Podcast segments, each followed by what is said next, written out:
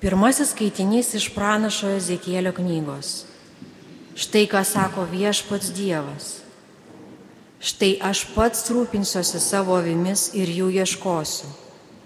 Kaip piemo rūpinasi savo kaimenę, kai jo kaimenės avis yra išblaškytos, taip ir aš rūpinsiuosi savo avimis. Išgelbėsiu jas iš visų vietų, kur jos debesų ir tamsybės diena buvo išblaškytos. Aš pats ganysiu savo kaimenę, aš pats jas ilsinsiu, tai viešpaties Dievo žodis. Suieškosiu paklydusias, žūstančias gražinsiu, aptvarstysiu sužeistas ir pastiprinsiu silpnas, bet riebes ir stipres sunaikinsiu ganysiu jas teisingumu. O jums, mano kaimenė, kalbėjo viešpats Dievas, spręsiu bylą tarp avies ir avies, tarp avinų ir ožių. Tai Dievo žodis.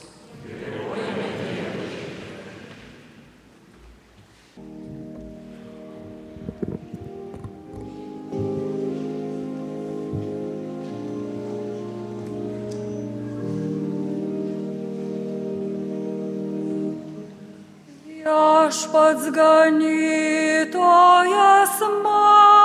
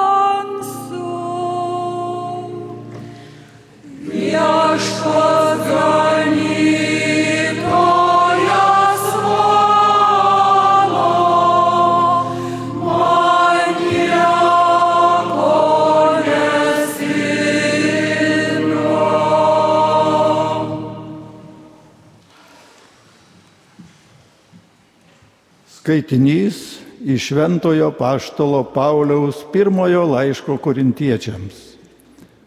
Broliai ir seserys, Kristus tikrai yra prikeltas iš numirusių, kaip užmygusiųjų pirmgimis. Kai per žmogų atsirado mirtis, tai per žmogų ir mirusiųjų prisikėlimas. Kaip Adome visi miršta, taip Kristuje visi bus atgaivinti, tačiau kiekvienas pagal savo eilę. Pirmasis bus Kristus, tada priklausantys Kristui jo ateimo metu.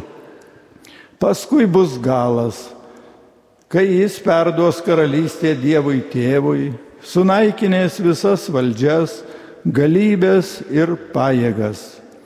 Jisgi turi karaliauti ir paguldyti po savo kojų visus priešus. Kai paskutinis priešas bus sunaikinta mirtis, kai jam bus visa pajungta, tuomet ir pats sūnus nusilenks tam, kuris buvo viską jam pajungęs, kad Dievas būtų viskas visame kame. Tai Dievo žodis. viešpaties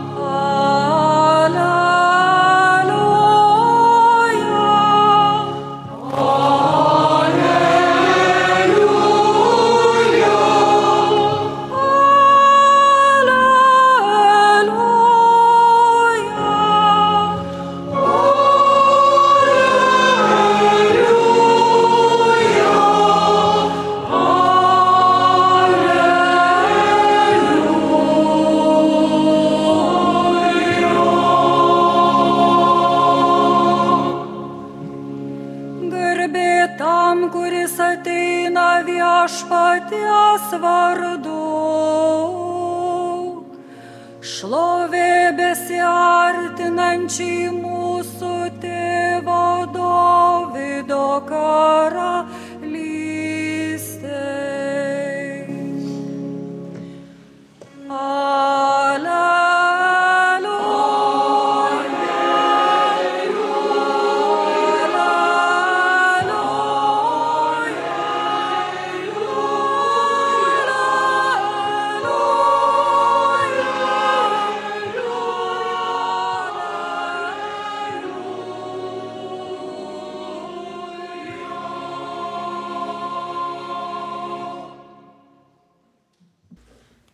Viešpat su jumis.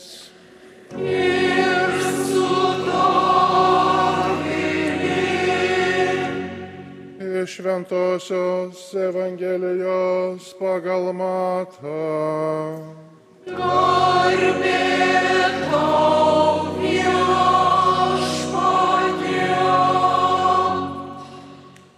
Anuo metu Jėzus kalbėjo savo mokiniams.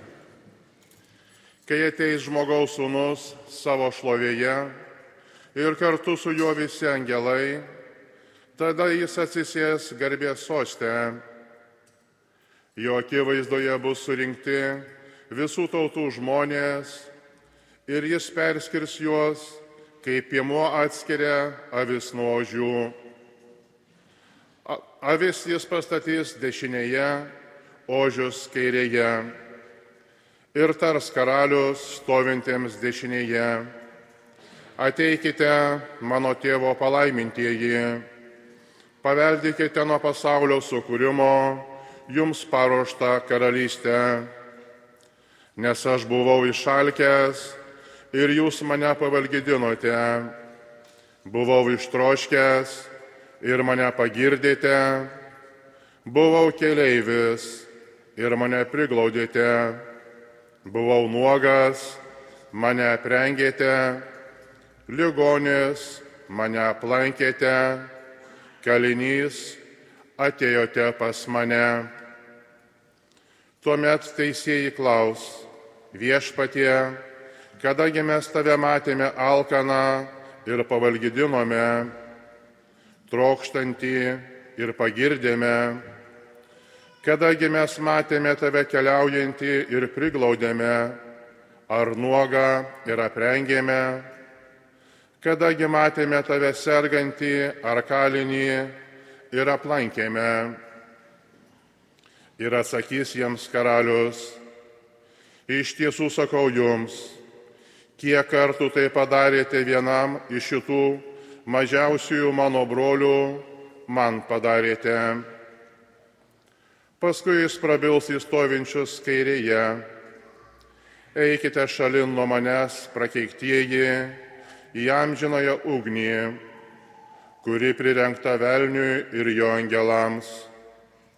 Nes aš buvau išalkęs ir jūs manęs nepavalgydinote. Buvau ištroškęs ir manęs nepagirdėte. Buvau keleivis ir manęs nepriglaudėte. Nuogas neprengėte.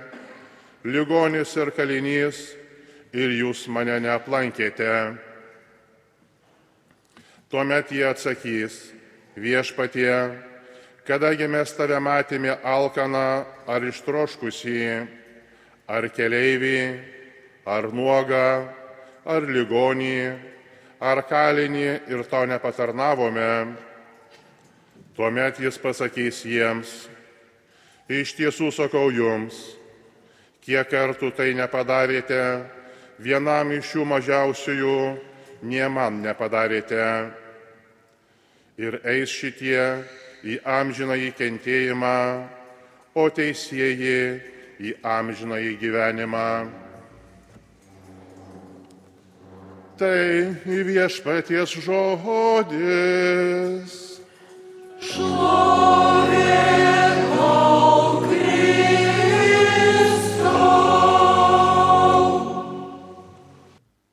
Brangus broliai ir seserys, šventasis raštas nuolat ieško būdų, kaip paaiškinti Dievo ir žmonių bendravimą. Štai pranašas Ezekielis Dievą šiandien pristato kaip ganytoją, kuris surenka savasią savis, jomis rūpinasi, paklydusią suieško, sužeistas periša, nusilpusioms duoda maisto. Taip pat gėdojame psalmę apie gerąjį ganytoją. Mane viešpas gano, man nieko nestinga. Ir iš tiesų bažnyčia kiekviename laikmetyje skelbia taip vadinamas amžinasias tiesas, tačiau pritaiko būdą, kaip tai geriausia padaryti. Štai 1925 metais šią Kristaus visatos valdovo iškilmę įvedė popiežius Pijus XI liturginių metų pabaigoje. Kodėl atsirado toks Kristaus kaip valdovo, kaip karaliaus paminėjimas? Nes 20-ojo amžiaus pradžioje gimė komunizmo diktatūra, didžiulės masės susižavėjo tos diktatūros gale ir nusekė paskui liaudės vadus plėšti, vokti ir žudyti. Beveik tuo pat metu kitoje Europos dalyje viskas siaubė kita diktatūra - fašizmas, suklaidinęs milijonus ir atnešęs daug skausmo. Popiežius tuomet matė, kad žmonės susižavi politinėmis sistemomis, partijomis, diktatūromis, paverčia jas stabais, nes žavisi didžiulę galę, garbina brutalumą, aklai tiki politinių partijų programomis ir niekina bei susidaroja su kitaip mąstančiais. Ir tokioje politinėje pasaulio situacijoje iškyla Kristaus, visatos valdovo asmuo, kuris sugeba tapti visų tarnu ir nuo kryžiaus apglėpti visą pasaulį. Istorija yra geriausia mokytoja. Tik kvaili mokosi iš savo klaidų, o štai išmintingi mokosi iš kitų klaidų, mokosi iš istorijos. Kviečiu jūs šiandien būti išmintingais ir pasimokyti iš istorijos. Kiek daug buvo civilizacijų, valstybių, imperijų, diktatūrų, jų nebeliko. O kaip su Kristaus karalyste prieš 2000 metų įkurta žemėje. Ji gyvoja visų tų širdise, kurie Jėzų priėmė į savo gyvenimą ir davė jam pagrindinę vietą.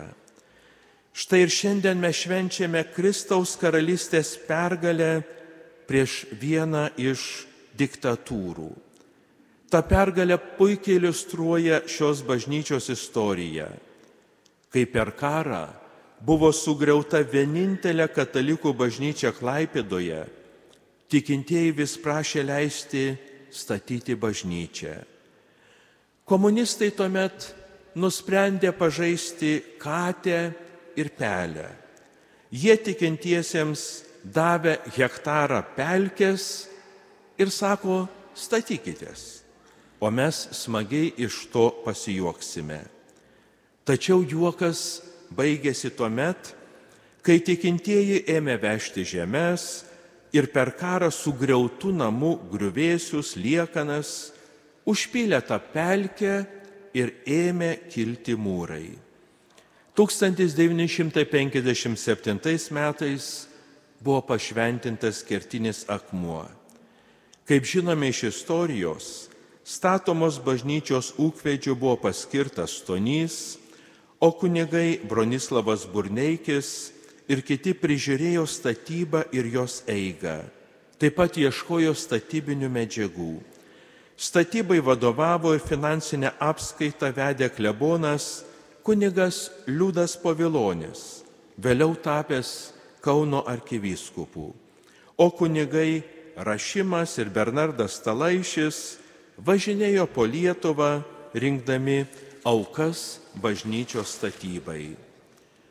Per tris metus buvo pastatyta ši bažnyčia.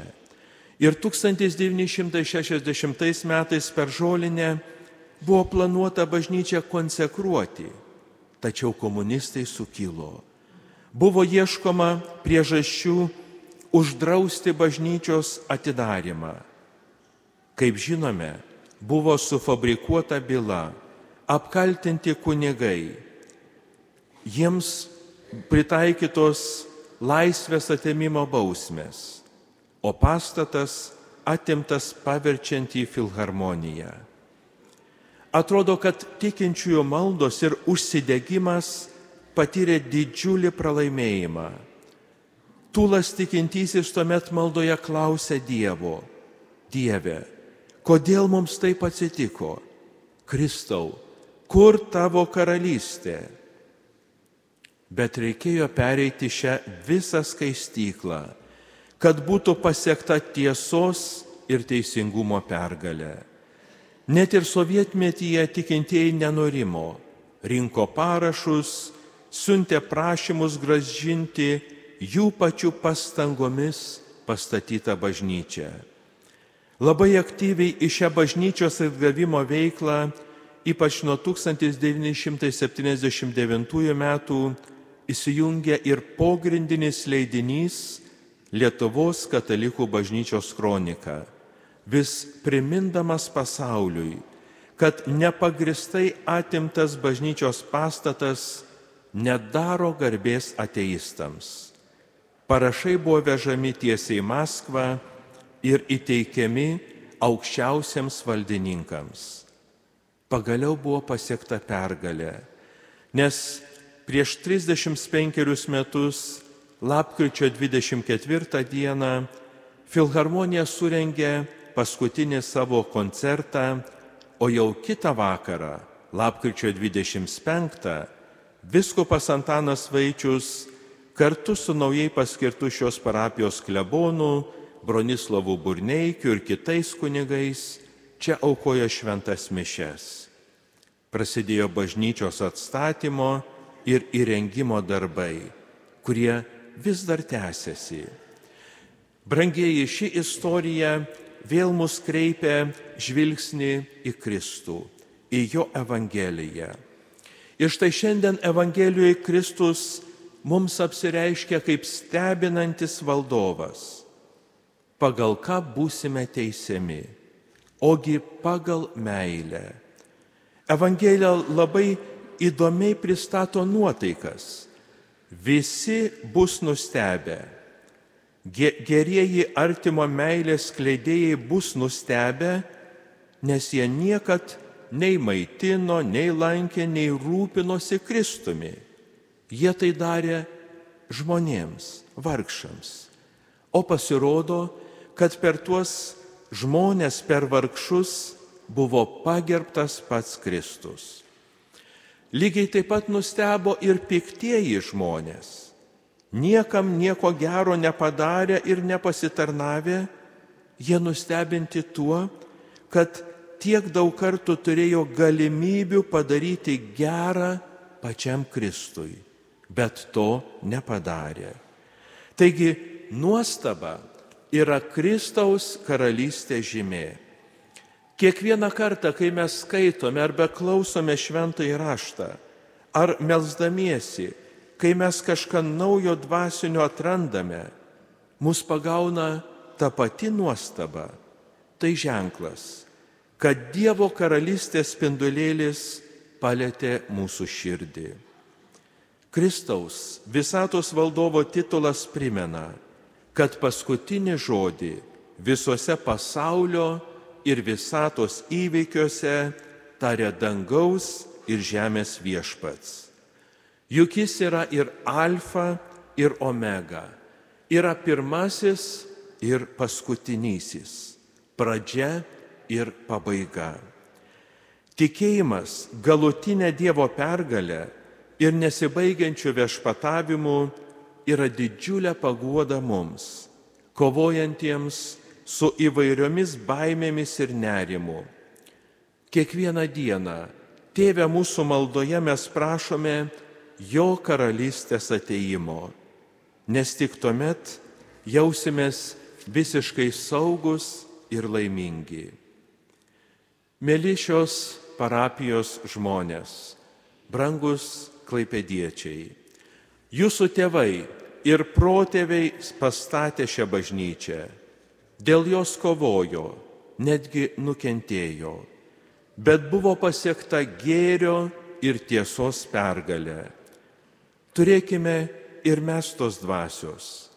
Mylėkime savo parapiją, būkime aktyveisios nariais, neabejingais miesto gyventojais ir valstybės piliečiais. Taip patys būsime šviesesni ir nešime šviesą kitiems. Bažnyčios turtas esate jūs. Todėl kurkite savo širdyje, savo aplinkoje Dievo karalystę ir gyvenimas keisis. Šiandien apaštalo Pauliaus laiške girdėjome mintį, kad Kristus turi karaliauti. Ir kai pasaulyje matome daug neteisingumo, karų, Ukraina, Šventoji žemė ir kiti kraštai.